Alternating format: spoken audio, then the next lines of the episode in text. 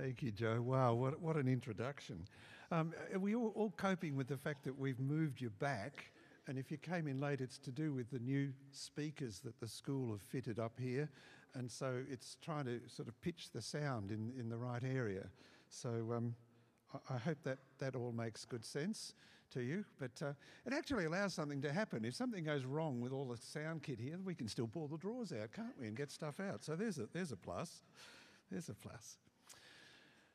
Well, lovely to see you all here and a few folks who are guests with us, visiting with us this morning. Terrific to see you. I should be pointing more this way because most of the crowd are there and not in the lovely sunshine, but that's okay. We'll cope. We'll cope. For those of you who have been with us, um, we, have said it all, but again, I'm going to say thanks to Ben and to Adam for the brilliant job they did in leading us uh, through Revelation. And I, think, as a sidebar, I've heard a, a bunch of people just enjoying the ability to gather at the end in groups and respond to what we're pushing into and learning together. So that was a great, great feature of it. And I mention that to affirm it and say how good that was. We won't be doing that this morning. All right? Sorry, no group discussions. I'm being a bit silly with it, but I'm actually daring to say to you, I, I believe in what I've, the message on my heart this morning is one that is going to invite a response. I, I feel there's a call from Jesus um, for people this morning. And so that's kind of a little forewarning, but I'm just, we always listen up and listen well. So I'm just inviting you to listen to what the Holy Spirit may be saying to you. And when that invitation comes at the end, by and large, I'm going to be inviting people to step up and join me here because the things that I'm saying, I want to be first with me first, all right? So I, am there in, in this call. Um, I'll talk about it anyway uh, when, when, we, when we get to it. So let's see if I can do anything. Which way am I meant to point this thing? That way? This way? Anywhere. So if I do that, oh, go back one? No, no, no, that's good. That's good. I did have a heading one, I thought. Oh, that, that was it. That was it. See, you push too hard. You can't get this right. There we are. So here's my subject this morning is followership, and I'm asking us all to consider what does following Jesus look like? What does it look like for you personally? What's it look like for us as a community of faith? And what does it look like in these times and in our day? And I'm starting here. That has changed, hasn't it? I've called it the Mount Carmel Showdown. Uh, you, will know the story. This, these are some among the great old stories that if we picked up nothing else in Sunday school, we, we just bounced across the big stories of the Old Testament. And this is one of those in 1 Kings 18, where uh, King Ahab and the prophets are there. Um, Elijah has called Ahab to summon the people and bring the prophets of Baal with him. And Elijah tells the people that they have been wavering between two opinions. And Elijah's big appeal to the people was if Yahweh is God, follow him. But if Baal is God, follow him. And so the people are pretty excited and they approve of Elijah's plan for a showdown. And you can read the full account for yourselves. It's pretty exciting stuff in 1 Kings 18. The prophets of Baal spend all day calling upon him to consume their sacrifice, to no avail. And there's a little bit of heckling that comes from Elijah, and I think the Hebrew even suggests, um, Has he gone to the bathroom? like, where is your God? What's he doing? Uh, all day it took. And as a demonstration of his confidence, Elijah upped the stakes, ordering his altar to be doused with water three times. It was pretty wet. Then Elijah prays that these people will know by Yahweh's response that you are God and that you are turning their hearts back again.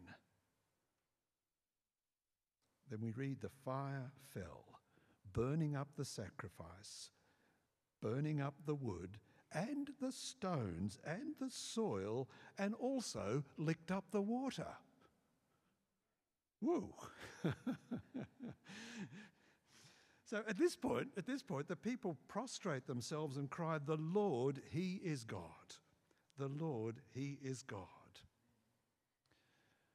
But sadly, if we go on following the record, the, the path of the ancient people of God, up and down and up and down, and that's the way it was. And so, sadly, despite this profession in favour of Yahweh, this stupendously compelling event did not produce lasting followership.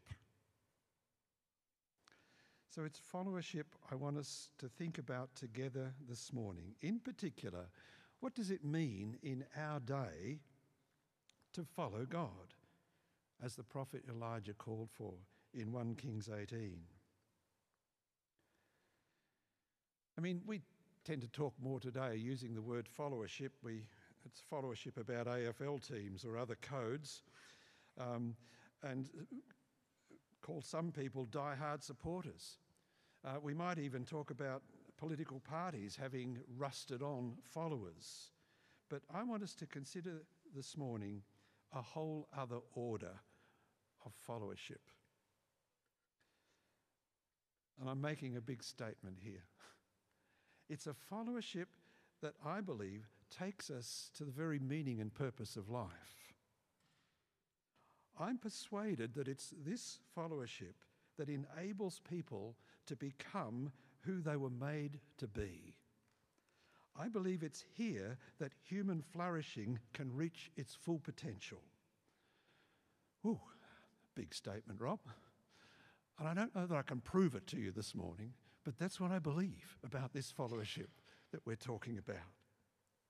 You see, this calling was the burden carried by all the true prophets of Israel the call to be true to God by following Him wholeheartedly, no matter what. In our testimony time earlier this morning, I loved the, the spirit of that there, where people were saying, hey, things get really hard. But you know, He's still good. He's still good. No matter what. So, our question is what does that kind of followership look like? Because I, would suggest to you that the essence of that Old Testament call has never changed. The invitation, the appeal of the New Testament is just the same. If Jesus is Lord, follow him.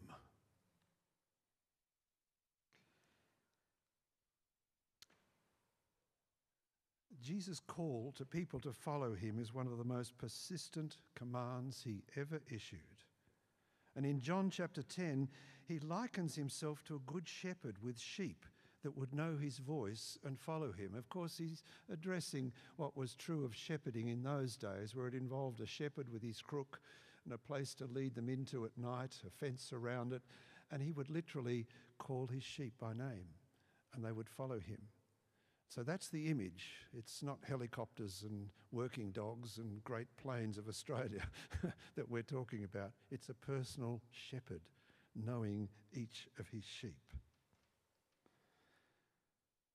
And the sheep would know his voice, would follow him, trusting him to protect them, to lay himself across the door of the fold, even, and, and lead them to good pasture. In the Gospels, following Jesus is the basic phrase which describes someone who belongs to Jesus, who believes in him.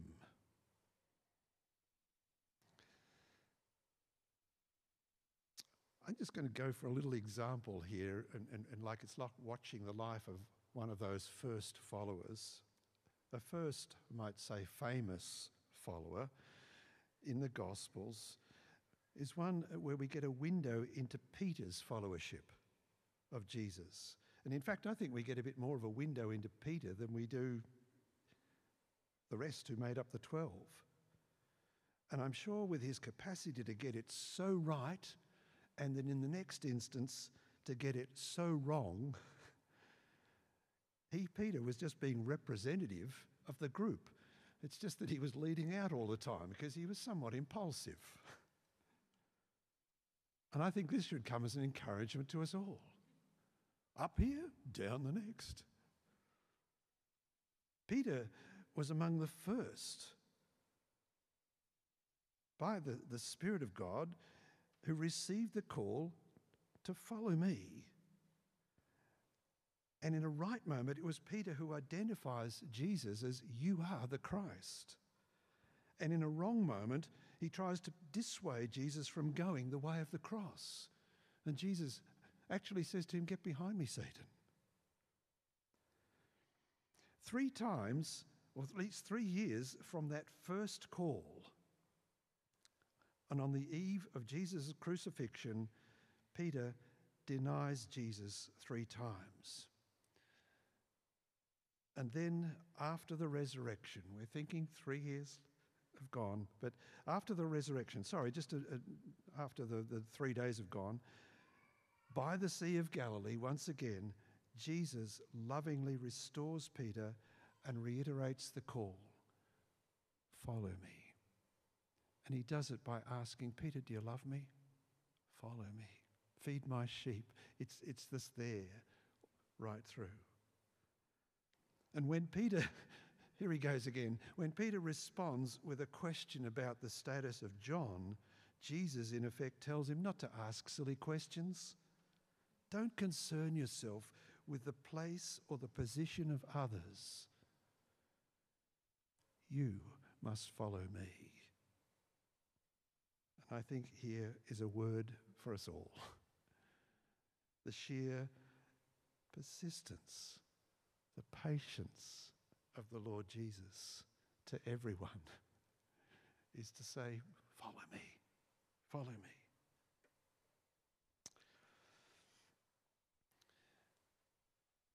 I'm sure many of us have um, favourite verses or passages in the Bible that we turn to or draw upon um, in particular circumstances, depending what the, what the need might be. Our, our go to words I'm thinking of here, whether it's for inspiration, um, for encouragement, or for comfort.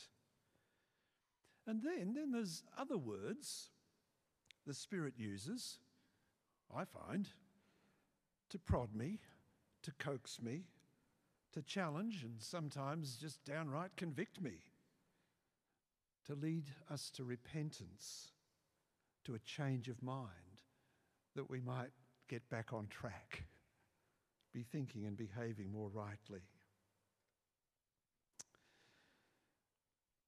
And if ever there was a text that challenges me about what following Jesus looks like, it's this one from 1 John chapter 2 and verse 6. I've called it the 1 John 2 6 challenge. Whoever professes to live in Jesus must walk as Jesus did. Ooh, question.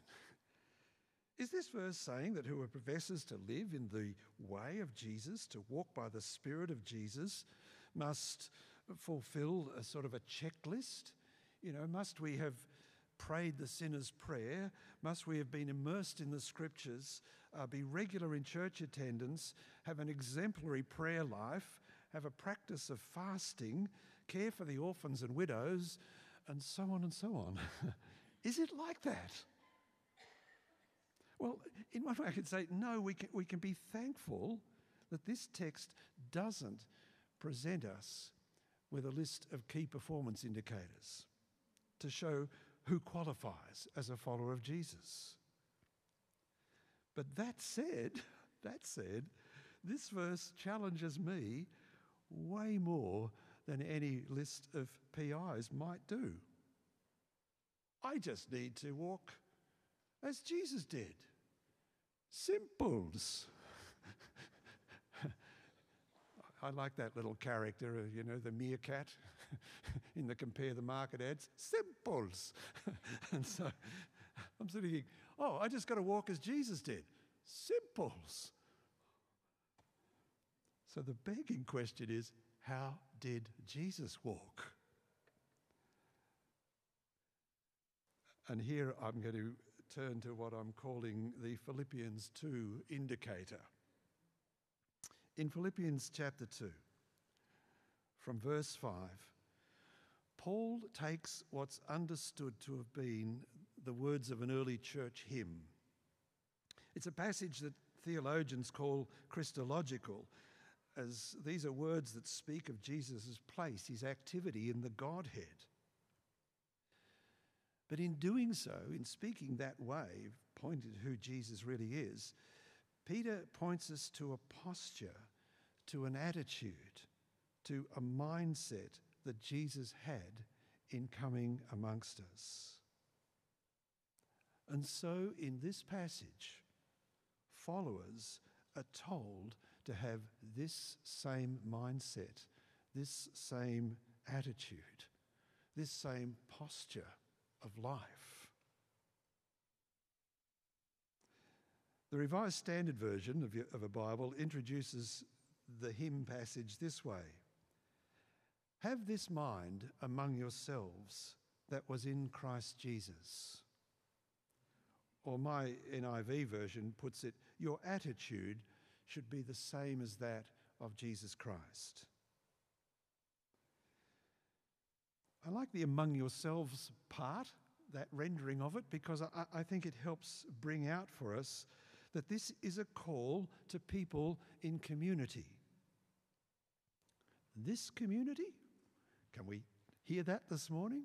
It's a call to this community, as much as any other, to have a collective mindset for collective action. Imitating this posture is what followers will look like, must look like. The passage goes on. Jesus, being in very nature God,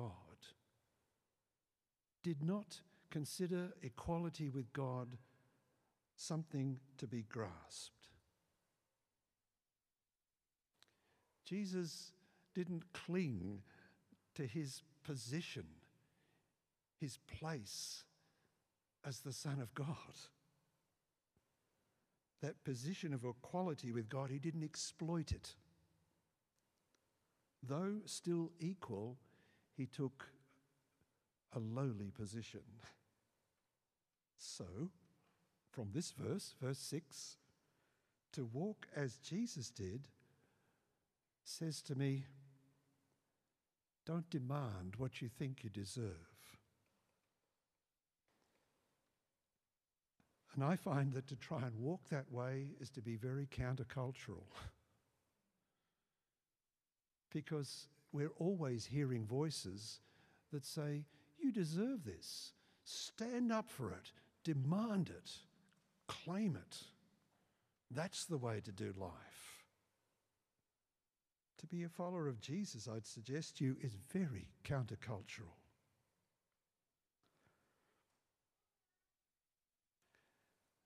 Goes on in verse 7 Jesus made himself nothing, taking the very nature of a servant, being made in human likeness.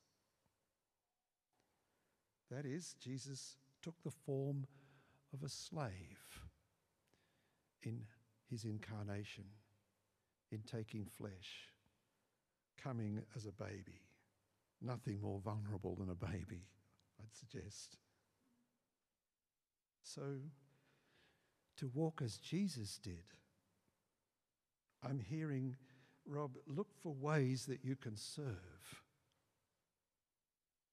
And again, it's countercultural. We're encouraged so much into upward mobility. it's a phrase that's been used upward mobility. You know, look for ways in which you can have the control, direct the traffic. You know, that's the way to get on in life. But there's a double downward movement going on here as we go on in this passage.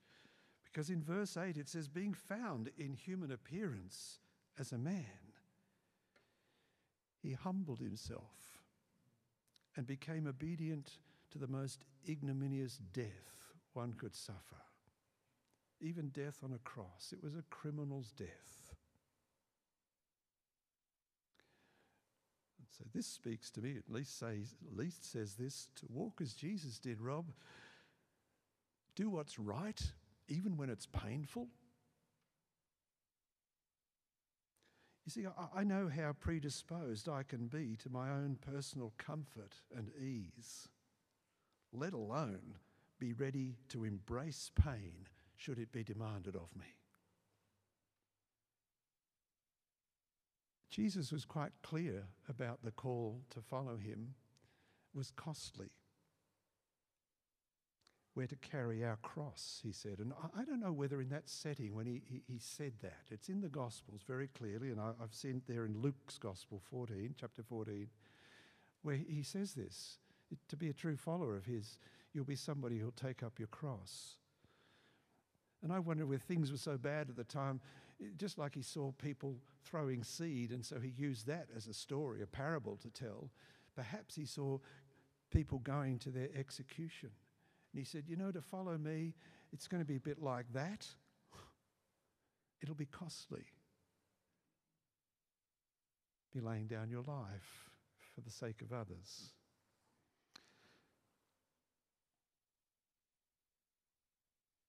So, in essence, I'm making this really heavy for you. That's not my intent. My intent is to show you and help us see together the wonder of this person who, who broke into history and says, Come and walk in this. Come and live this way. In essence, following Jesus will or must be evident in our posture towards others. It begins with an attitude that is the same of that as Christ Jesus. You see, though Jesus was and is the Son of God, he walked this earth as the exemplar Son of Man, demonstrating perfect humility, acting in perfect obedience to his Father, only doing what he saw his Father doing. And so that perfect obedience, it wasn't because he was God that he performed the miracles that he did. He performed the miracles he did because he was the exemplar example. He, he was, he, that's bad English. He, he was the exemplar Son of Man, the person. And the suggestion is as we would imitate him, we would see more of what he did through our lives. Modeling perfect dependence in the way he prayed, keeping in step with the Spirit. So, my dear friends, if you and I profess to follow Jesus, then the call is to imitate him. There's lots of voices clamoring, aren't there, in the world today? There's things that we're hearing just most recently out of decisions being made in America and the, the government and around abortion and so on. And, and the way of, of response to that that some sort of catch us and mess with us in all sorts of ways. And, and I'm called to say, oh, Lord, help me respond to this personally in my own heart in a way that doesn't start to attack those who disagree with me.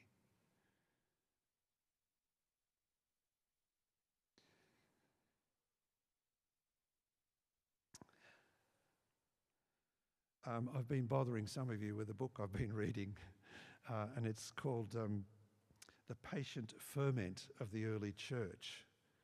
Uh, what's, his, what's the author's name? Alan, Alan Kreider. Thanks, Alan. I'm looking to Adam because he told me he's just got the book. Oh, there it is. I didn't know it had come up that well. Good, that's good, nice and clear. Alan Kreider, yeah.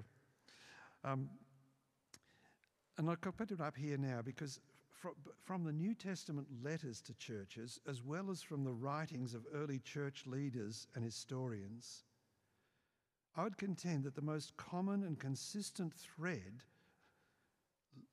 um, leading the church's exponential growth, leading to that in the first three centuries, was its attraction. It was attractive. It was so countercultural in every way. And what Kreider brings out so clearly in his book is kind of in the Roman world, everything is so um, vertical and everybody was in their position in society. And so, straight away, those who were followers of Jesus didn't live that way, they were horizontal. It's like we're, all just travelers together. We're all here. And we're seeking to follow Jesus in the way that he walked. Of course, the proclamation of the gospel in words, deeds, and signs through the apostles, prophets, and evangelists, of course, that was there and that was foundational. But even once that um, impetus had gone out, what the followership looked like was so, so critical. And its improbable rise in a hostile Roman world, I believe, was the sheer attractiveness of its followers. If you follow me at all on Facebook, don't bother following me on Facebook. But on Facebook, I sometimes throw out comments that I'm getting from a friend in America named Terry Walling. And he just something he said very recently. He said, We're to walk in this way, doing what he says, so that we begin to behave our way into a new and different way, behaving like our master. I love that. Just recently, I, I saw on a, a, little YouTube clip um, you think I'm fiddling with my phone all the time. Lola might disagree with you. uh, there's a guy named Paul Kingsnorth.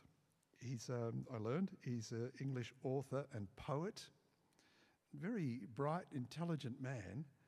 And he was a former devotee of Wicca. I mean, he was right into following Wicca. He'd gone through looking at Buddhism, and then he was into Wicca in a holy, in a big way.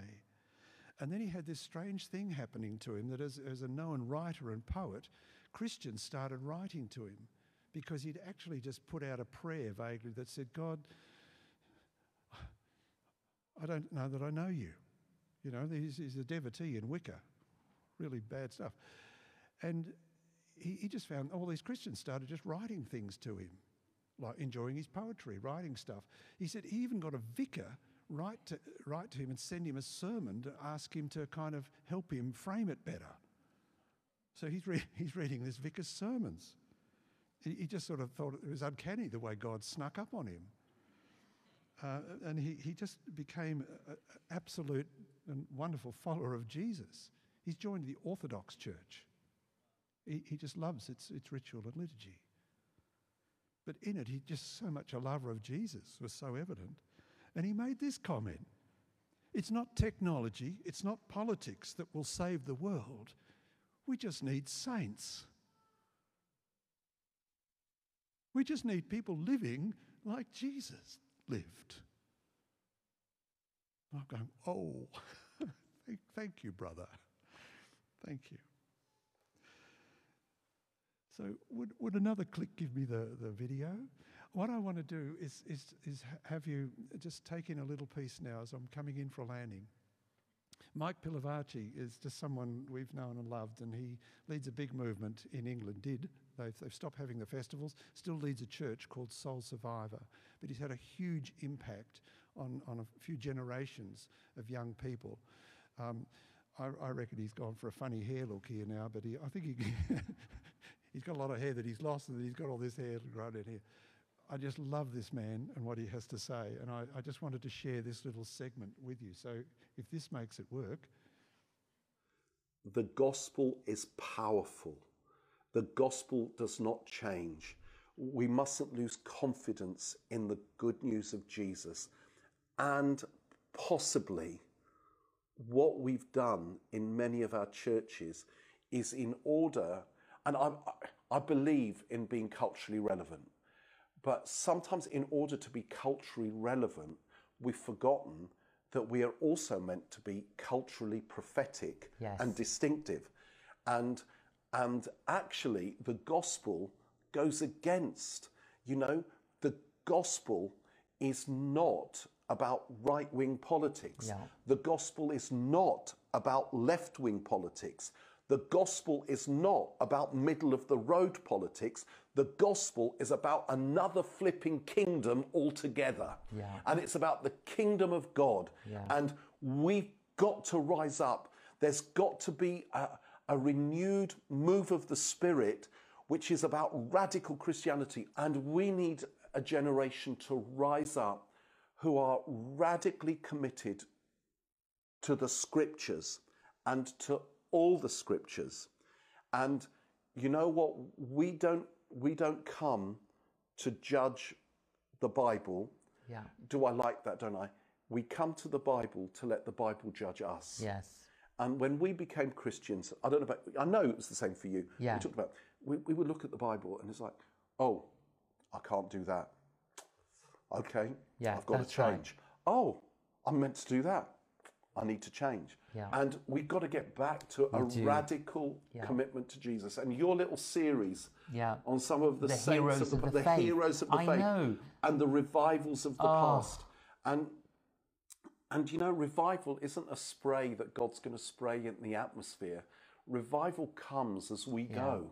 Yeah. And and actually God is faithful. He is so faithful and we've got to trust in his faithfulness. And we need to be an alternative community. Yeah. That and it's not complicated. It's the great commandment, we love him with all that we have and all that we are. The new commandment that we love one another as he loves us, so family, and the great commission to go into every ethnicity, every people group, and make disciples of everyone. And the message hasn't changed. We just complicated it and we so wanted to be popular. And it's funny, in the Acts of the Apostles, Yeah.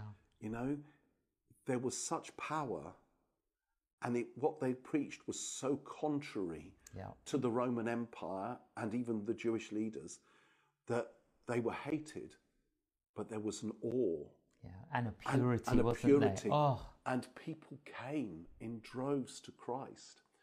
And I think the Lord is out of this.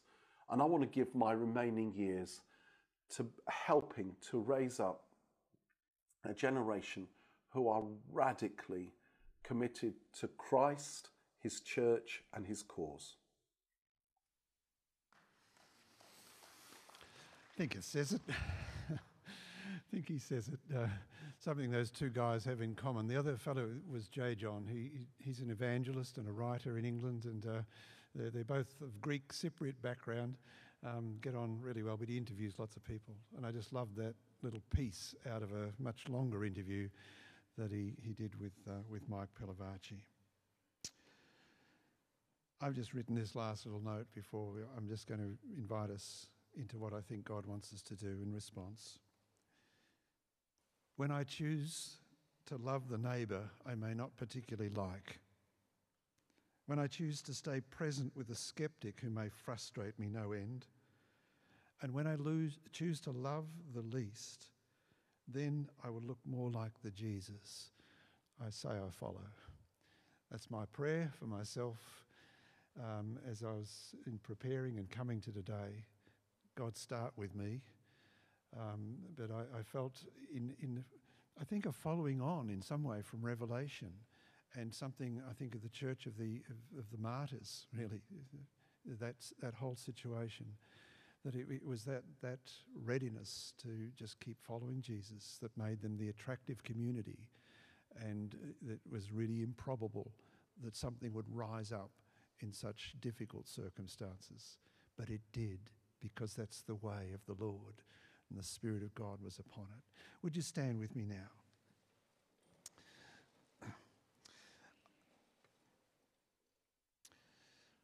I- just really do believe that Jesus wants to advance his kingdom um, this morning, and his call, his call to us is for a people who will step into it. And so there are, um, what I'm identifying is, is there's three thrusts, I think, to this call um, in the way that you might respond to it. So I'm asking you to, if you will, to take a step forward. And if, if response to what I'm just putting out now, if that's going to be difficult, literally to step forward, it might be you just got to put your hand up and someone else might come alongside in response to that. But here's the three aspects that I was seeing, and it was something, incidentally, that Di put before us as a little leader group just yesterday. Um, it, these are the three dimensions to this. And the first one is, is the upward dimension. If there's three dimensions to our lives relationally, the first one is the upward dimension, you and God. And so on this one, uh, it's an invitation to anyone who might never have made a commitment to follow Jesus. I'll invite you to come now. If you've never na- made a, a, you might feel, hey, I'm a fellow traveller, I'm on the way, I've been thinking about this, but I've never stepped into and said, I want to follow Jesus.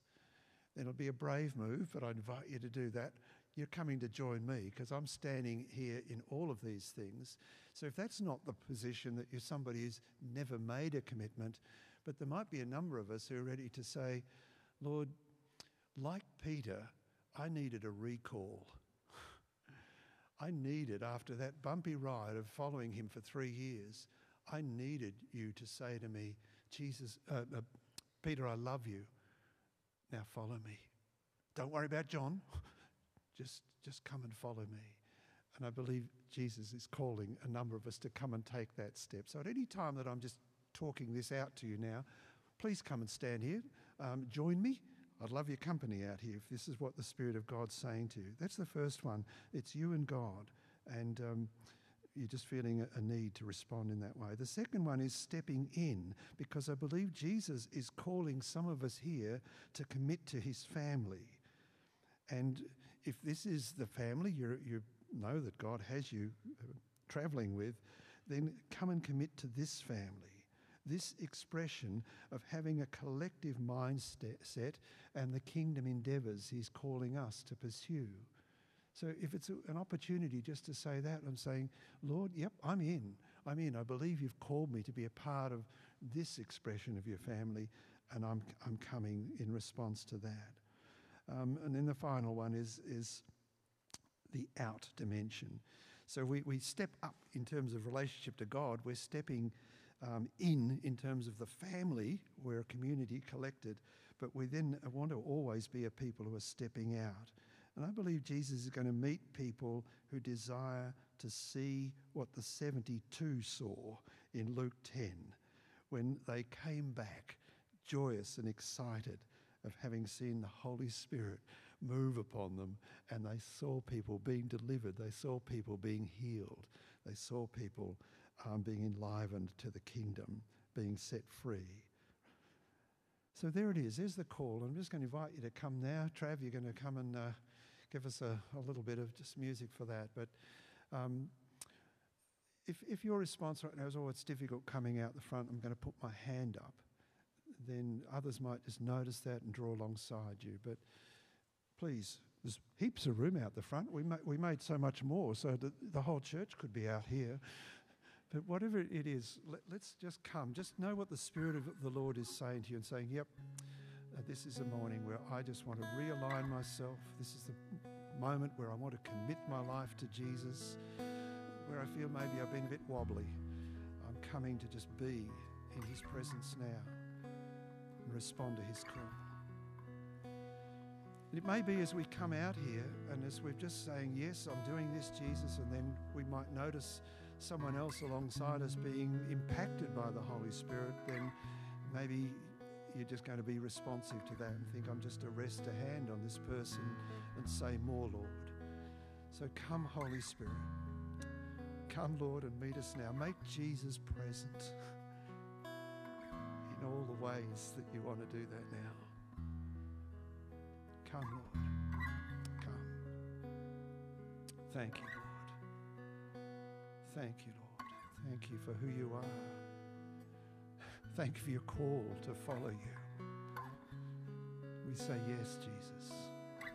Yes, Jesus. Lord, I'm stepping up. I'm stepping into your family. And I'm praying for the boldness to step out more readily. In your name, thank you.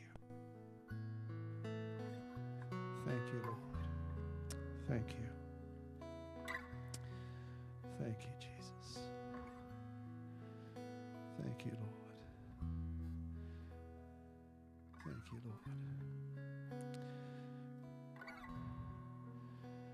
Thank you, Lord.